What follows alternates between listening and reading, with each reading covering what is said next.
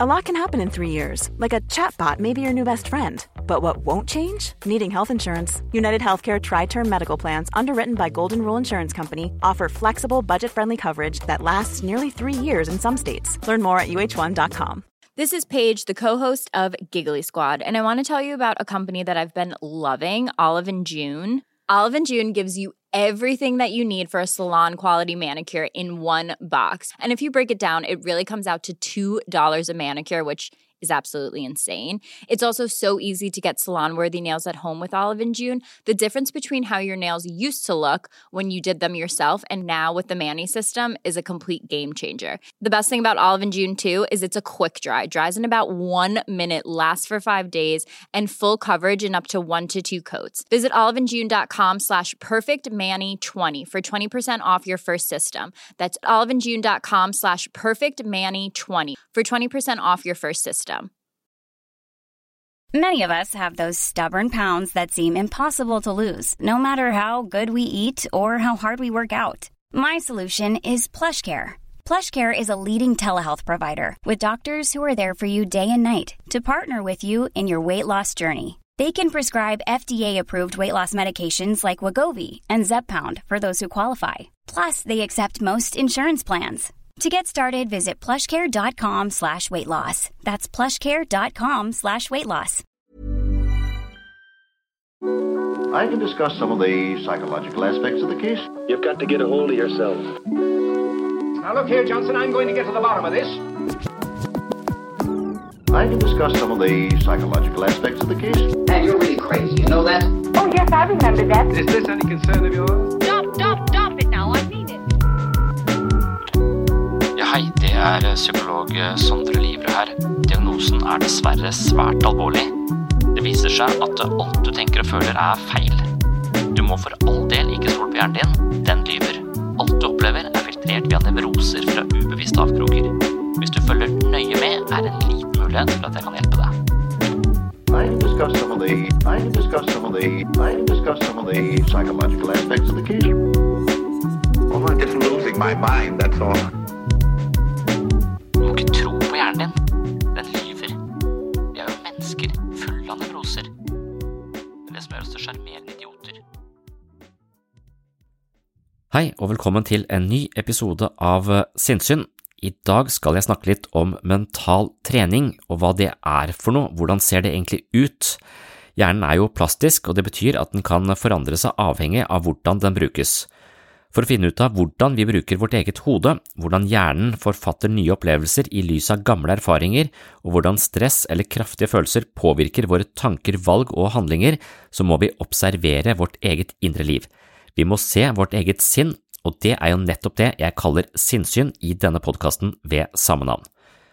Så i dag så skal jeg også snakke litt om eh, mental trening, men jeg skal også annonsere en nyhet som jeg selv er litt begeistra for. Det kommer jeg tilbake til eh, ganske snart, tror jeg.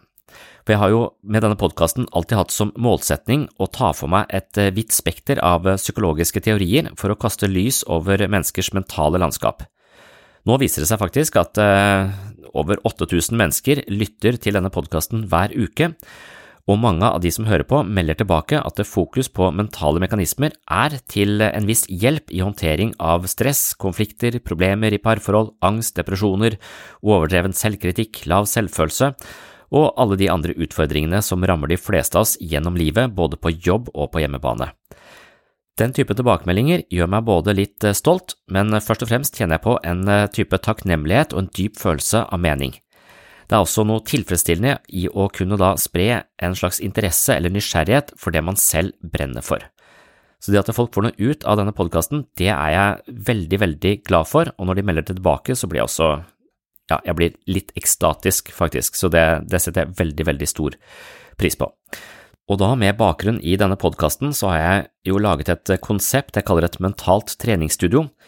Psykologi det kan jo gi oss innsikt og aha-opplevelser, men hvordan omsetter vi denne kunnskapen i levd liv?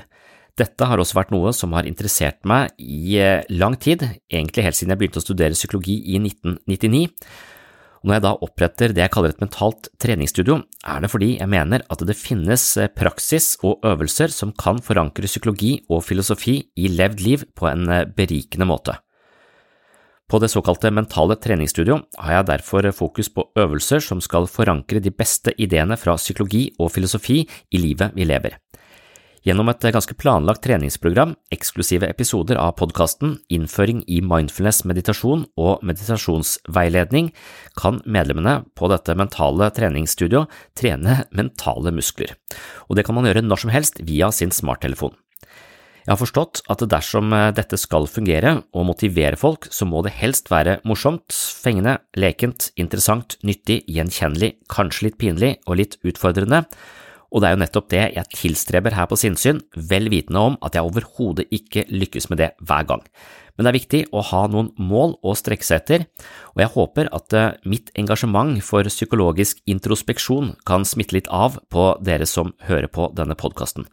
Iallfall så er det sånn med meg at når jeg hører på andre podkaster, så blir jeg inspirert og elsker mennesker som eh, brenner for det de holder på med, og det kan også eh, inspirere meg til å gå litt i den samme retningen.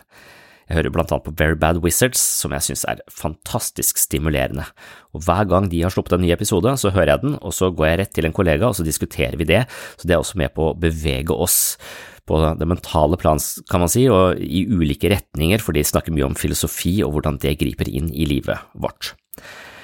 Men hva er da egentlig mental styrke? At vi kan trene for å bli sterkere i kroppen, det er jo velkjent. Fullt så kjent er det ikke at vi kan trene hjernen for å bli sterkere mentalt.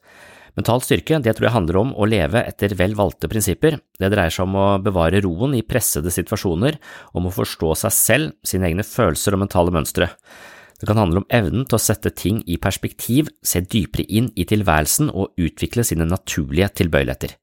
Det handler om å forstå seg selv i relasjon til andre, løse konflikter, se den andres perspektiv og kanskje ta den vanskelige samtalen istedenfor å utsette ubehaget til det er for sent.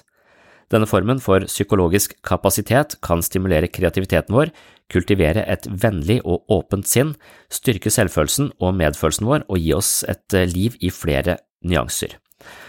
Og da er igjen spørsmålet hvordan trener man mentalt? Og dette her har jeg da undersøkt ved å ta for meg de 150 mest solgte selvhjelpsbøkene og psykologibøkene som er skrevet gjennom tidene. Hva sier de egentlig om å leve best mulig? Hva sier de om å være et godt og lykkelig menneske? Budskapet i disse bøkene har jeg tatt med meg tilbake i min jobb som terapeut og kliniker. Sammen med klienter så har vi testa ut ideene gjennom øvelser og langsomt har det tegnet seg et mønster som sier noe om hvilke strategier som fungerer best. Hvilke psykologiske eller mentalgymnastiske øvelser fungerer og kan implementeres på jobb og i hverdagslivet. Her har jeg etter hvert mange svar og forslag, og det er dette jeg tilstreber å presentere på mitt såkalte mentale treningsstudio. Så hvis du er en privatperson, så kan du jo tegne et abonnement via patron.com for segs sinnssyn, det har jeg mast om mange ganger, men det som er nytt nå, er at jeg lager eh, denne bonusepisoden for å informere om at jeg også har etablert et bedriftsabonnement. Så hvis du jobber i en bedrift, har lyst til å få mer sinnssyn å jobbe med hver måned, så kan du nå tipse din sjef og hvis sjefen din da er interessert i dette her, kan vedkommende gå inn på webpsykologen.no og laste ned en brosjyre hvor jeg forklarer konseptet og presenterer tilbudet. Og inne på den brosjyra så er det også kontaktinformasjon. Og det synes jeg er litt eh, stas. Det har krevd en del eh, med nye tekniske løsninger etc., og jeg er jo litt teknisk tilbakestående, så det har vært eh, ganske utfordrende, men nå tror jeg jeg har funnet en eh, plattform som kan huse et mentalt treningsstudio, og jeg kan da ha eh, bedriftsabonnenter trene der inne. Og når det gjelder et sånt bedriftsabonnement, så tenker jeg at det må være lett tilgjengelig, og det å ha det i lomma ser jeg på som forholdsvis lett tilgjengelig, men det er flere aspekter ved det å trene i flokk som jeg har tenkt på, som jeg tenker kan være stimulerende for en eh, arbeidsplass. da. Så jeg har nok et sånn iboende ønske om å kunne etablere det jeg selv føler at jeg har på jobb, da, eh, hos eh, flere. For i min jobb som terapeut så jobber vi jo på den måten jeg presenterer i dette mentale helsestudio hver uke. Det er mange deltakere som har et felles fokus på hva det vil si å være et menneske, og ikke minst et menneske i motgang kanskje, eller et menneske i stress, et menneske overfor utfordringer og jeg ser ikke på min jobb som et sted hvor man kurerer syke mennesker, men snarere som et slags psykologisk universitet hvor vi samler grupper av mennesker med interesse for å utforske mulige måter å leve bedre på. Og når flere deltar sammen på dette mentale treningssenteret, der jeg har mitt daglige virke, så kan man utvikle et samhold blant deltakerne som er svært eh, det er ganske stimulerende, og jeg tror det har ganske mange positive synergieffekter. For hver uke så har vi da et nytt fokus henta fra episoder på sinnssyn, og dermed har vi et felles omdreiningspunkt hver uke, og alle spiller inn med nye perspektiver og ideer. Og Det er litt sånn jeg har det med Very Bad Wizards, altså med en gang jeg har hørt en episode, så er det så mye informasjon der at jeg trenger å spare med noen som har den samme interessen, og når jeg da lufter tematikken med en kollega her, så er det som om den tar bolig i meg på en annen måte, og så kan jeg bruke det ofte i livet mitt seinere. Så det er veldig stimulerende, og jeg tror at eh, det nesten er en betingelse å dra i flokk for å få til positiv endring. Så mange hører jo på denne podkasten her sånn, og hører den aleine, men hvis du da i tillegg har noen andre som også hører, som du kan drøfte dette med, i lunsjen for eksempel, et eller annet sånt noe, så tror jeg det kan eh, være en slags positiv spin-off der sånn, som kan eh, kanskje ha noe for seg på en arbeidsplass. Og jeg sier ofte at det er umulig å bygge en pyramide alene, og jeg tror det er tilsvarende vanskelig å skape mening alene. Og når vi da er en gjeng rundt fokus på de mer eksistensielle sidene ved å leve et liv, så er det mulig å få til noe den enkelte ikke klarer på egen hånd.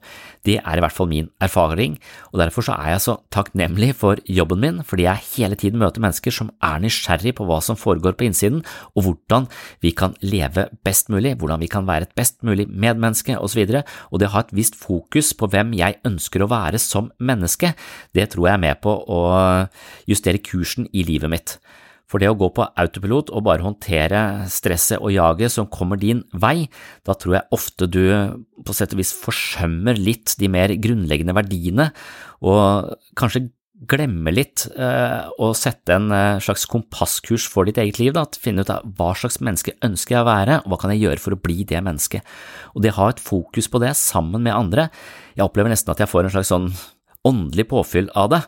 Og det tror jeg, eller det, det, håper jeg at andre også kan gjøre hvis de har et eller annet omdreiningspunkt som de kan ha som utgangspunkt for den typen samtaler, eksempel i lunsjen. Så det er kanskje en klisjé å påstå at eh, helheten er større enn summen av delene, men når det handler om psykisk helse, mening, motivasjon og forandring, så er jeg overbevist om at tilhørighet i et slags fellesskap med samme fokus er veldig avgjørende. Så med bakgrunn i dette så tenker jeg at et medlemskap for bedrifter kanskje kan tilføre arbeidsplassen et eh, interessant fokus på mental helse, i tillegg til eh, spinninggruppa på torsdager osv.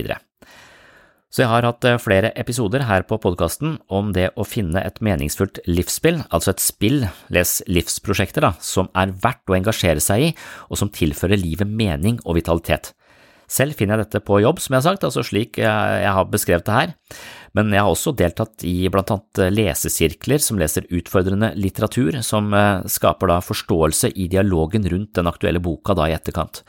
Så jeg husker blant annet, som jeg har nevnt før på podkasten, at jeg leste Iron John, forsto nesten ingenting av den boka, for den var så full av mytologiske referanser, og da hadde vi en lesesirkel rundt den som da på en måte rett og slett eh, dekrypterte boka for meg, snakket om hva betyr dette, hva betyr disse metaforene, hva vil det si å være et, en mann i et moderne samfunn, hva vil det si å være en far, osv., og, så og det gjorde meg, jeg følte selv at jeg fikk enormt mye ut av de andres eh, innspill. Og Da var det en del litteraturvitere der, så det hjalp jo godt på da, på min forståelse for, eh, for den boka.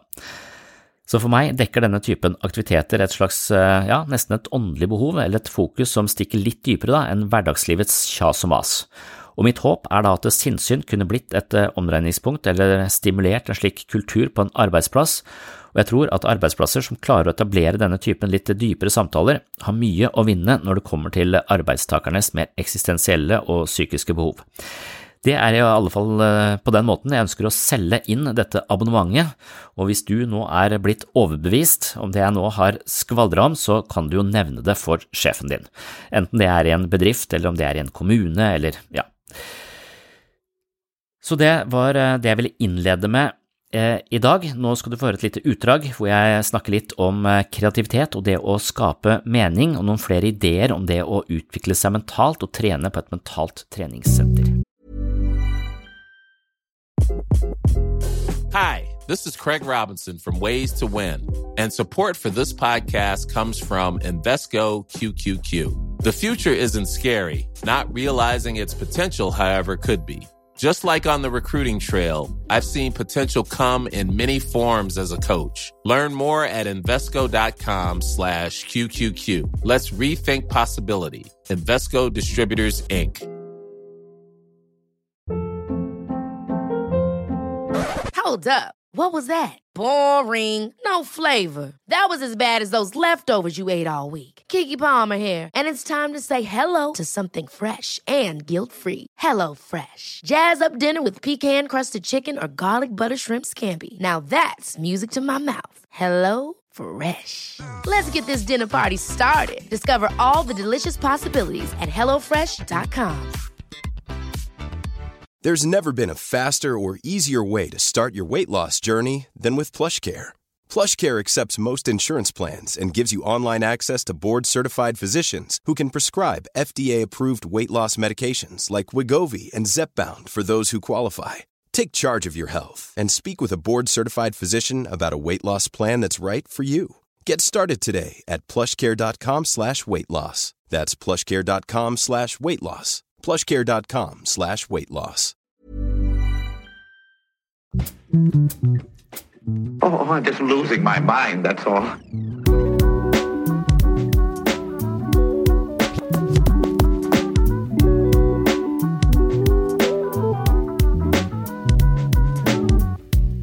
Så har det vært det med kreativitet, og hva er kreativitet for en størrelse? Så har vi liksom forfulgt en tanke om at kreativitet egentlig er det samme som god psykisk helse. For det kan virke som om kreativitet egentlig bare er frihet. Frihet til å tenke, frihet til å assosiere, frihet til å følge nysgjerrighet og impulser og interesser. Mens veldig mye av kulturen vår er bygd opp på at vi bør passe på, at vi må være flinke, at vi må tilfredsstille ytre krav. Så istedenfor å følge denne interessen og nysgjerrigheten, så er vi blitt mer pliktoppfyllende i stadig større grad. Så snakket jeg litt om Freud og ubehaget i kulturen. Og jeg syns ideen han har om at mennesket, eller det siviliserte mennesket, kom til verden når det var en eller annen fyr ute i skauen som så det brant et sted. Og så, han, så klarte han å motstå impulsen mot å tisse på bålet. Så istedenfor å tisse på bålet, så tok han med seg flammen hjem til hula og varma opp hjemme. Og motstå den umiddelbare behovstilfredsstillelsen som ifølge Freud er veldig veldig fristende å tisse på bålet. ifølge, ifølge Freud. Da. Jeg vet ikke hvor fristende det er, men og videre så vil det bare være at det, han sier at jo mer kultur vi får, jo flere føringer, jo flere regler, jo flere normer, jo mer nevroser. For alle disse tingene holder ting litt i sjakk, så vår lystprinsippet blir ofte kua under tyngden av alle disse kulturelle føringene. Og når vi har alle disse formaningene, superego, alt vi skal, bør osv., så, videre, så vil det vi vil være hele tiden motivert av å ikke gjøre feil istedenfor å følge interesser, eller ikke være feil, eller ikke tråkke noen på tærne, eller hva det skulle være. Så vi har sett på at kreativiteten er noe som dukker opp på sett og vis i overskuddet, hvor man føler seg fri til å ja, bevege seg fritt. Vi snakket om at det å bevege seg i naturen stimulerer kreativitet. Og så er det forsket på hvis du skal, skal gå en bestemt løype i naturen, kontra du bare skal gå på måfå, og så svare på oppgaver underveis, så er det mer kreative svar hos de menneskene som går på måfå, og som kan bevege seg sånn som de vil. Mens de som skal følge en bestemt retning, de er, mer, de er mindre også kreative i de oppgavene de skal løse underveis. Da. Så det er mange ting som påvirker kreativiteten vår, men det, det virker som det er sentrert litt rundt denne friheten. Og for å være kreativ så tror jeg virkelig du må være i en sånn flyt som han Mihaili, Sixcent Mihaili snakker om. Flyt, altså Du er oppslukt av det du holder på med, og kan da sjonglere litt med det. Men du er også god på det. Så, så, det er liksom det der med, med kreativiteten, og da spørsmålet hvordan kan vi liksom oppøve den, og hva har det med psykisk helse å gjøre? Og For meg så har det alt med psykisk helse å gjøre. Det er nettopp dette vi trenger. Vi trenger en type mental fleksibilitet som kan få oss ut av vanskelige livssituasjoner. Og det det blir sagt at han han Dibono, som var uh, i denne podkasten, han, uh, han, har skrevet denne boka om lateral tenkning. Og lateral tenkning er jo evnen til å tenke i revers av og til. Og det er det som er eh, Han sier at du kan ikke kjøre rundt i livet i revers. Hvis du har en bil, så kan du ikke hele tiden rygge. Det blir tungvint. Men av og til så må du lukeparkere, og da er det viktig å kunne rygge. Eller du må komme deg ut av en, en blindvei. Så Derfor så er denne evnen til å tenke i revers, og det er det han overfører, det er litt det vi, vi trenger å oppøve, denne mentale fleksibiliteten. Ja, Det er i hvert fall interessant at vi er så pliktoppfyllende overfor denne koronaen. Altså at vi, vi går i flokk. Og det er jo selvfølgelig en Så når Freud snakker om ubehag i kulturen, og jo mer siviliserte vi blir, jo mer må vi undertrykke alle disse seksuelle impulsene våre, ifølge Freud. da. Men all det, egentlig en slags blokkering av libido og det å følge lystprinsippet. Men hvis alle hadde fulgt lystprinsippet, så hadde det jo blitt ganske eh, kaotisk. Så jeg vet ikke om han mener det heller. Men han mener vel at vi må klare å kanalisere disse, disse kreftene ut på en litt annen måte. Og for, meg så, så, ligger det liksom dypt forankra i måten vi tenker på nå, at vi, vi skal følge krav, vi skal tilfredsstille andres behov, vi skal yte for arbeidsgiver, vi skal jobbe for det holde maskineriet i gang. Altså vi har hele tiden Det er et ytre press på oss for å gjøre det vi skal gjøre, i stedet for at vi drives av nysgjerrighet. Derfor så ser jeg det som et slags moralsk imperativ å være interessert i det du holder på med. Vår oppgave som menneske er å skape mening i den jobben vi gjør, i de menneskene vi møter, i den situasjonen vi befinner oss i. På en eller annen måte. Det er ikke alltid lett, men det er liksom hovedgreia vår, er å like det vi driver med.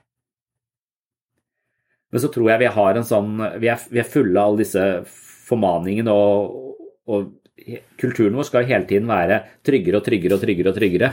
Det er så mange EU-mål på hvor høyt et tre kan være hvis du skal klatre i det.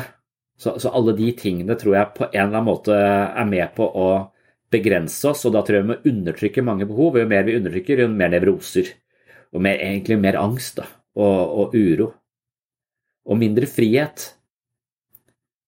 Så av og til så ser jeg nesten på depresjonen som en opprører for noen. At det kan virke som om noen mennesker er så lei av å prøve å tilfredsstille alle disse kravene som Nav har, eller som jobben har, at, at depresjonen kommer og sier du, jeg nekter å gjøre noe som helst. Jeg gidder ikke å følge den indre tyrannen som hele tiden pisker meg og sier at ting er ikke godt, du må gjøre det mer, du må gjøre mer, du må gjøre mer. Hele den der hele tiden være styrt. Og det kan være styrt av seg sjøl, sitt eget superego, sine indre stemmer.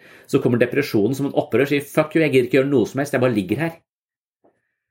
Det er ikke så mye bedre, da. For isteden for å få gjort noe, så får du ikke gjort en dritt. Men, men du har i hvert fall opponert mot disse strenge standardene du har inni huet ditt. Men da tenker jeg neste utfordring er å, å på en måte ansvarliggjøre depresjonen og si ok, nå har jeg slutta å følge alle disse strenge standardene, jeg gjør ikke en dritt, jeg bare sitter her på sofaen. Hva har du tenkt å gjøre med denne situasjonen nå? Depresjon. For depresjonen er for meg nesten som opposisjonspolitikere. Sånn som Frp pleier å være når de ikke er i regjering. De gjør klager på alt. De sier vi bare gratis øl til alle. Og så når de kommer inn, så må de faen meg ta litt ansvar. Og da, kan ikke, eh, de, da skjønner de at vi har ikke penger til å ha gratis øl til alle likevel.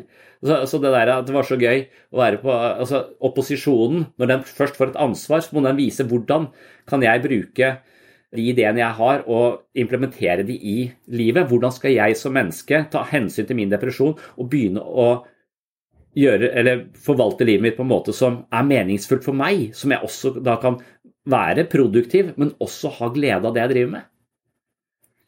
Så jeg, jeg mener vi må ansvarliggjøre depresjonen ditt innimellom, for, for, den har eh, ofte parkert oss. Og det kan være med rette, fordi vi har holdt på med en sånn type slavemoral hvor vi bare er styrt av ytre krav, og egentlig livet bare presser oss opp i et hjørne. Vi er ikke kommet i forkjøpet, på en måte. Men, men det jeg egentlig tenkte å tenkte å snakke om, er jo den der, så, så, hvordan får vi en slags, slags, mental frihet? Hvordan oppøver vi evnen til å tenke mer fleksibelt og være mer leken i vårt indre liv? Og For meg så kan det virke som om meditasjon synes å være en av de teknikkene som sannsynligvis er en slags styrketrening for nettopp denne typen mental fleksibilitet. Da. For det kjennetegnet på en mindful person, sånn som Langer beskriver det, så er det evnen til å skape nye kategorier åpen for ny informasjon, altså oppmerksom på, flere perspektiver på en gang. Altså når hun har forsket på dette, så finner hun ut at de som har meditert lenge, de har altså evnen til å skape nye kategorier. Og det er vel litt det, det som er eh, det kreative i dette, og det som er mangel på kreativitet, er at vi, når vi har noen ideer om hvem vi er, f.eks., eller hvordan verden fungerer, og vi møter mennesker som bekrefter eh, noe annet, som, som, ser oss på andre måter, så vil vi avfeie de eller hvis verden fungerer på en annen måte, istedenfor å prøve å tilpasse våre mentale modeller og endre oss, så prøver vi å tilpasse verden sånn at den passer overens med vår forestilling om verden. Så vi, ut, er ganske rigide mentale modeller. Jeg er ikke verdifull, og hvis noen liker meg, så ljuger de. Så istedenfor å prøve å korrigere noe på, på boksene vi putter ting inn i, eller på menneskene vi møter så sånn, Vi har jo disse mentale skjemaene fordi de skal hjelpe oss å orientere oss i livet, for det er så mange vurderinger vi må gjøre hele tiden. Så når vi møter et nytt menneske, så ser vi noen egenskaper ved det mennesket, og så generaliserer vi ut ifra det. Så putter vi de i en boks, for vi har møtt lignende mennesker før, og de pleier å være sånn. Og så tilskriver vi dette mennesket da ganske mange egenskaper som de sannsynligvis ikke har. Og det vil være ganske fordomsfullt, men det vil hjelpe oss. Det vil dempe kompleksiteten i et nytt møte, for vi skal møte alle nye mennesker som totalt nye for oss, uten at de mener å kunne forstå litt av hvordan de oppfører seg osv., så, videre, så vil det kanskje være ganske slitsomt. Mens eh, en mindful person har da evnen til å møte ting med litt mindre fordommer. Med litt mer nysgjerrighet, på en måte. Og sånn at du, du ser ut som en som passer i denne boksen, men la meg, la meg, observere dette litt til. La meg kjenne litt til på hvordan du oppleves for meg, før jeg plasserer deg i denne, i denne boksen. Og det tror jeg da krever trygghet, selvfølgelig. For jeg tror når jeg f.eks. er mest stressa, så møter jeg nye mennesker, og så tror jeg jeg analyserer situasjonen febrilsk og prøver å finne ting som kan gjøre den forutsigbar for meg. Og da tror jeg jeg virkelig plasserer folk i en eller annen trang boks og mener å ha skjønt de, kanskje til og med lest tankene deres før jeg, uh, før jeg egentlig uh, Ja, bare for å skape meg en slags innbilt kontroll over situasjonen. Men jeg kan også gå inn i et møte og så, og så holde meg litt tilbake og så bare se Oi, du ligner på den personen jeg har møtt før, men nå skal jeg se hvordan du, du er i denne kontakten, og så heller bruke litt mer tid. Og det merker jeg kan gjøre hvis jeg er trygg. Hva er du for Altså, jeg kan liksom være nysgjerrig, og nysgjerrigheten er det liksom ikke plass til utryggheten. Så det er nok et problem for mange, den utryggheten som, som blokkerer både for kreativitet og nytenkning og nysgjerrighet og alt alt mulig. Da lurer jeg litt på så hvordan kan vi, hvis det har vært snakk om at det, det å være kreativ i forhold til problemløsninger i livet, så er man liksom sånn kan ha ulike strategier på å finne nye løsninger på vanskelige problemer på jobb, f.eks. Og da man, bør man jo være utdanna innenfor det yrket, men man bør vite noe om det. Hva er det, eh, hva er det snakk om her? Og, og, hvordan kan vi tenke nytt om de utfordringene vi står overfor?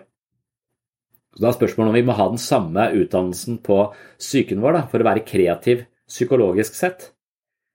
Så hva, er verktøy, hva er verktøyene vi har for å tøye og bøye og forstå vårt indre liv, vår egen fortolkningsprosess på nye måter? Og Det, det syns jeg er litt sånn interessant å se det på den måten, for da, da ser du litt sånn mekanisk Eller du ser liksom at det, kreativitet det å tenke nytt, det er å være mentalt fleksibel, det er en egenskap vi må trene på.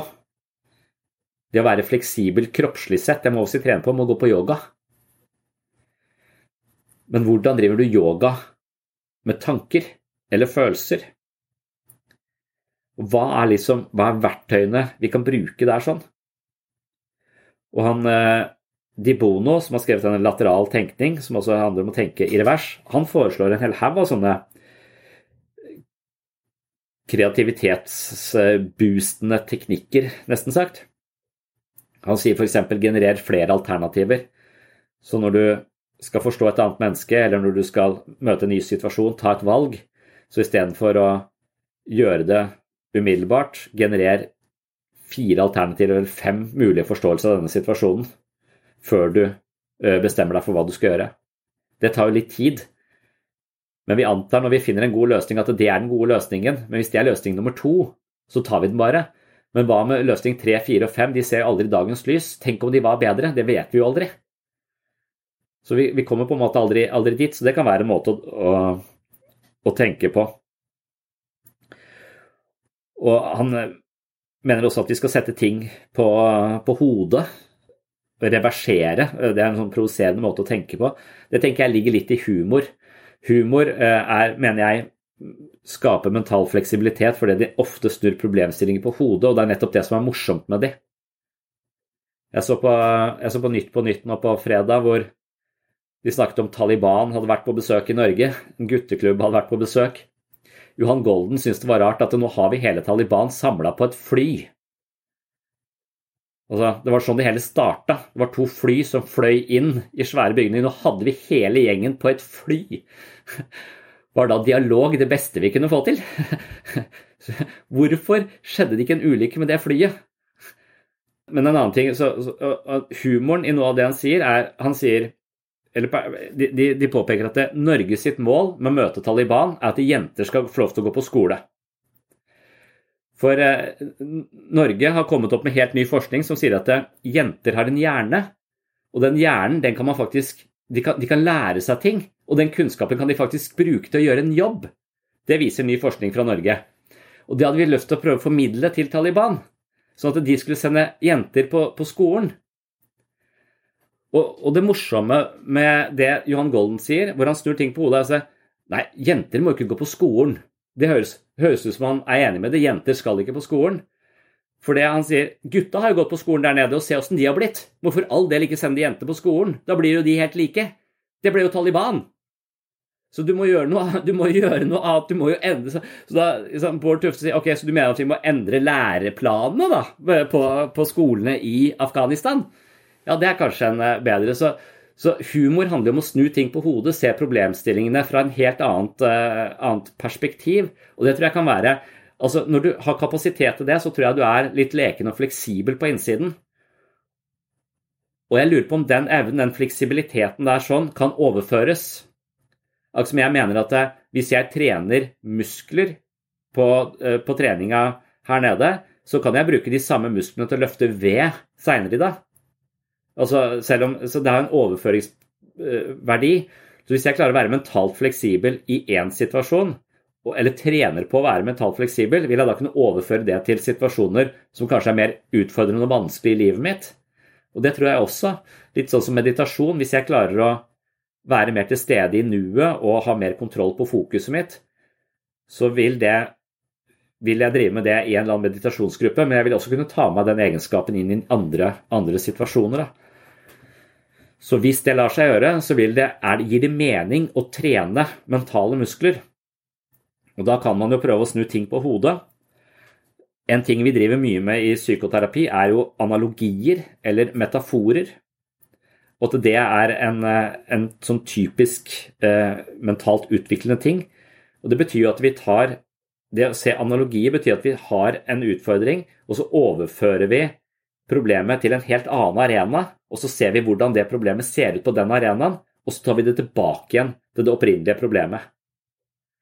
Og Det driver vi masse med i denne gruppa når vi av og til snakker om Taliban, for jeg mener at folk er Taliban i hodet. Så Da ser du på hvordan fungerer et regime hvor det ikke er lov til å le, danse eller ha det gøy. Du skal bare be og, og være underdanig eh, Gud, og, og menn har mye høyere verdi enn enn kvinner, og så jævla mange strenge regler hvor det ikke er lov til å bevege seg i det hele tatt, og null ytringsfrihet, hvor alle bare står helt stille og håper det ikke blir skutt. Altså, det, det å se på et regime som er så lukka og så diktatorisk, og så overføre det Ja, men det er akkurat sånn mange mennesker som kommer i dette systemet, er i sitt eget hode. De har en kritisk røst som klager på alt faenskap Alt de måtte finne på å si eller gjøre, blir slått ned på på en eller annen kritisk måte eller negativ måte. De har et Gestapo-politi inni huet sitt. Og Det er en måte å tenke nytt om sitt eget indre liv på. Du overfører problemet. Det er et annet område som har det samme type problematikk som du har inni huet ditt. Og Det er denne typen analogier som kanskje kan, kan hjelpe oss til å se ting på, på nye måter. Så hans forslag er prøv å lage analogier til ting. Jeg kom på en analogi nå, for jeg har vært eh, hjemme med korona. Og, og, det er et eller annet med å gire så jævlig ned, da, og ikke gjøre så mye. Jeg var jo sammen med barna, så det var ganske mye å gjøre, egentlig. Men du kommer inn i en annen rytme. Og når jeg kommer inn i en annen rytme, så blir det tiltagende vanskelig å komme tilbake på jobb. Det er litt sånn slitsomt å begynne å jobbe igjen. For jeg er vant til å sove litt lenger, og spiser frokost litt seinere. Altså, litt sånn som med ferier også, fucker opp rutinene mine, på en måte. Og da blir det litt eh, vanskeligere å komme tilbake i den samme rytmen. Og jeg syns det ligner på sånn som jeg har det på jogging. Altså Hvis jeg skal løpe fem kilometer i et eller annet løp, Hvis jeg da på et eller annet tidspunkt så blir jeg jævlig sliten, hvis jeg da tar en pause bare for å hente meg inn, så blir ting mye, mye verre. Jeg må for all del ikke stoppe i et sånt løp på fem kilometer. Jeg må passe på å holde jevn fart gjennom hele, og da må jeg finne den jevne farta. Så jogging og livet mitt for øvrig syns jeg ligner litt, selv om det er to forskjellige ting. Men, men jeg, jeg, ser på det som en slags analogi, for jeg ser at jeg, hvis jeg legger opp løpet hvor jeg går ut for hardt, så går jeg på en smell, og da må jeg stoppe. Og da blir det dritvanskelig å starte igjen, for da får jeg hold alt faenskap. Så jeg må liksom finne en jevn tempo gjennom disse fem kilometerne. Det er akkurat det samme jeg søker i livet mitt, finne et jevnt tempo. Og når jeg da må stoppe opp fordi det kommer korona, liksom, så fucker det opp tempoet mitt, og det blir tiltagende vanskelig å komme i gang. Og det, det, har jeg liksom tenkt på med, med, med, mange mennesker som eh, skal ut i jobb, f.eks. At jeg skal begynne i det små, altså skal begynne med bare 20 eh, jobbe én dag i uka, to dager i uka. Det kan godt være det funker opptrapping, men for meg så hadde det blitt sånn Det hadde ikke kommet nødvendigvis inn i en rytme. Hva skal jeg gjøre på de eh, mandag, tirsdag, onsdag, torsdag hvis jeg bare skal jobbe på fredag? Skal jeg grue meg til fredagen, da? De andre dagene? Eller hva skal jeg bruke den, den tida på, liksom? Så det å finne en jevn rytme, det er ganske, ganske utfordrende. Jeg syns det ligner jogging. Så Det er et eh, eksempel på en analogi hvor du tar en type problematikk som handler om hva gjør jeg egentlig med livet mitt når jeg ikke er i jobb? Det syns jeg virker som en jævlig vanskelig problemstilling. Hvordan du, hvordan lager du et meningsfullt liv hvis ingen presser deg inn i en eller annen rutine? Altså Da må du lage all rutine selv, da. Det tenker jeg er mulig, men dritvanskelig. Jobbe er ganske lett, for da får du jo liksom rutinen. Det er vanskelig å skape mening i jobben, kanskje, hvis den er full av diktatorer som presser deg til å gjøre ting uh, uten at du selv vil det. Men, uh, men det å stå for all rutinen selv kan være tilsvarende, tilsvarende vanskelig. Så, så, det er en sånn teknikk. Det, en, det mener han Dibon er en kreativ teknikk, teknikk, er å lage analogier for å flytte problemet over på en annen arena for å se hvordan det ser ut der, for så flytte det tilbake igjen. Ja, jeg stoppet der sånn. På dette tidspunktet så begynner jeg å ramse opp 20 eh, sosialpsykologiske eksperimenter som eh, rett og slett kikker litt bak sceneteppet på den menneskelige psyken. Hvorfor gjør vi sånn som vi gjør? Når vi tror vi vet hvorfor vi gjør det vi gjør, så er det ofte tusen faktorer vi ikke kjenner til som er med på å påvirke dette her. Og sosialpsykologien er full av sånne eksperimenter som viser oss at vi er motivert av en masse forhold vi ikke selv er klar over. Men hvis vi er klar over det, så kan vi kanskje forstå litt mer av bredden og dybden i vår egen motivasjon, kanskje vi til og med kan skape mer motivasjon i eget eh, liv. Så hvis du er interessert i den typen mental trening og tenker at det kunne vært noe for din arbeidsplass, så er jeg jo takknemlig hvis du nevner det for eh, sjefen din. Det vil jo selvfølgelig også være et viktig løft for denne podkasten, da eh, sånne type bedriftsabonnenter ville gi meg enda mer frihet og ressurser til å utvikle episoder og konseptet på dette mentale treningsstudio. Jeg har blant annet en plan om å få med flere på meditasjonsbiten, da jeg kjenner noen utmerkede veiledere som virkelig gjør mental trening i form av mindfulness til noe som gjør en, en forskjell, altså. Så kanskje kan jeg lokke de over til sinnssyn med flere ressurser tilgjengelig.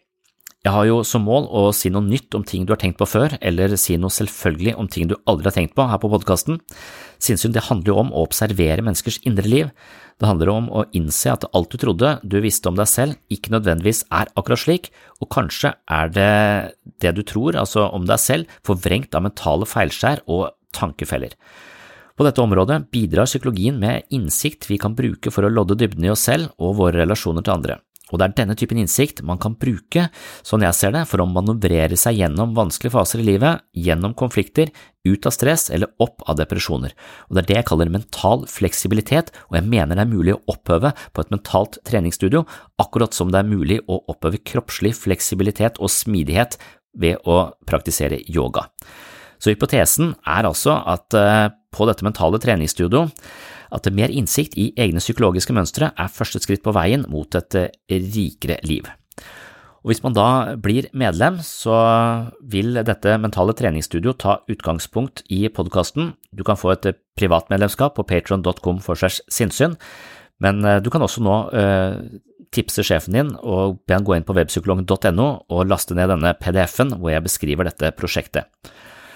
Og det man da får er et eh, ganske nøye utprøvd treningsprogram basert på selvhjelpsbøker, og da mine egne selvhjelpsbøker. Dette innebærer en innføring i de viktigste ideene om menneskers indre liv, etterfulgt av konkrete øvelser. Og hvis man følger hele programmet, så vil man kunne bryne seg på over 50 øvelser på dette, dette treningsprogrammet, som da danner grunnpilaren i dette mentale treningssenteret. Og så får man eh, i hvert fall to eksklusive episoder av sinnssyn hver måned, som da kun eh, blir lagt ut der inne på dette mentale treningsstudio.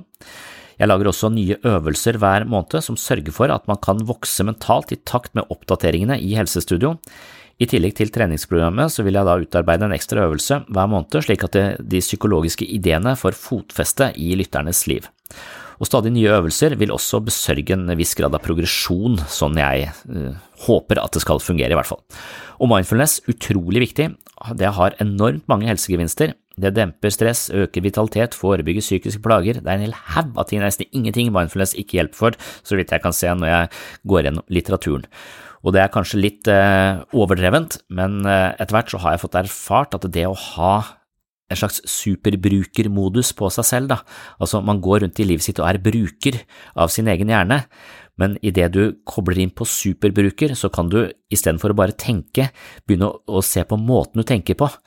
Så en superbruker på seg selv, den tenker ikke bare, men den tenker på måten man tenker på og det å kunne tappe inn på superbrukermodus for å rett og slett se på hvordan tankeprosessene skaper ulike følelser, genererer bestemte handlinger, hvordan de der forankrer ulike algoritmer som er installert i deg fra tidligere tidspunkter, kanskje noen av de er heldige, andre er ikke heldige. Kanskje du fikk fortalt når du var liten at du var veldig smart, og hver gang du møter nye oppgaver, så tenker du at det fikser jeg fordi jeg er smart, og da er du lett øh, for å ta på deg nye oppgaver, og ofte takler de godt, ikke sant, men hvis du motsatt har fått beskjed om at du ikke er spesielt smart, så kan det være at du unngår alle nye utfordringer og på den måten parkerer deg sjøl øh, på et sted hvor du virkelig ikke får øh, utnytta ditt egentlige potensial.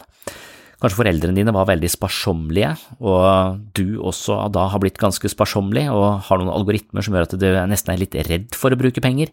Det kan være så mange sånne ting, og det å forstå kildekoden i seg sjøl, altså det å skjønne det psykologiske programmeringsspråket og ha en slags superbrukermodus hvor du kan ha muligheten til å justere noen av disse algoritmene, det tror jeg er innmari viktig, og jeg tror vi oppøver den evnen til den oversikten, den observerende oversikten, gjennom mindfulness. Derfor er selvfølgelig mindfulness en viktig del av dette mentale treningsstudio. Så ved å tegne et abonnement da, så vil man umiddelbart åpne for eh, nærmere 50 eksklusive episoder av podkasten, over 40 mentale treningsøvelser, dette treningsprogrammet og en innføring i mindfulness og i alle fall tre meditasjonsøkter for å komme i gang. Deretter følger nytt materiale hver måned. Så vi vet jo at fysisk trening er bra for helsa, og det kan besørge en viss motivasjon, men trening må også være lystbetont. Målet med et mentalt treningssenter er å skape interesse og nysgjerrighet på vårt indre liv ved hjelp av humor og en litt mer leken holdning til ganske tunge eksistensielle spørsmål. Og jeg ikke, jeg har vært opptatt av hele tiden at vi må ha en litt sånn leken holdning til en litt sånn eh, kanskje litt skakk, humoristisk holdning til vårt eh, indre liv for at vi skal, skal klare å håndtere det. For mange mennesker har ganske tunge tanker, og hvis vi hele tiden skal dykke ned i de tunge tankene, så, så kan det hende vi setter oss fast.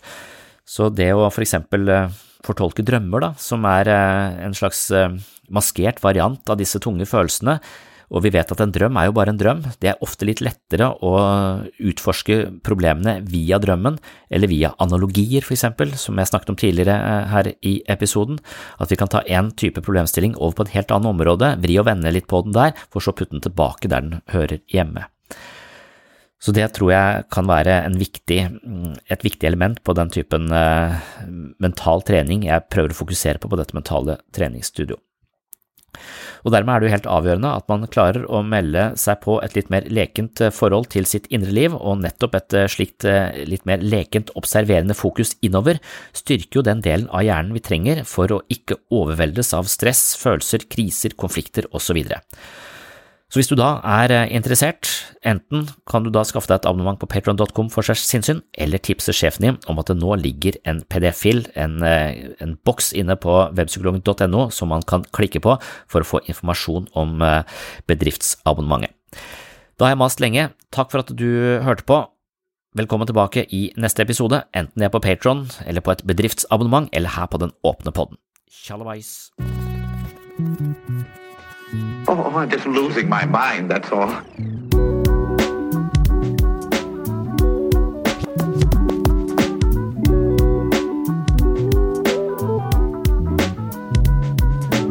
I can discuss some of the I can discuss some of the I can discuss some of the psychological aspects of the case. Psycho, psycho, psychological aspects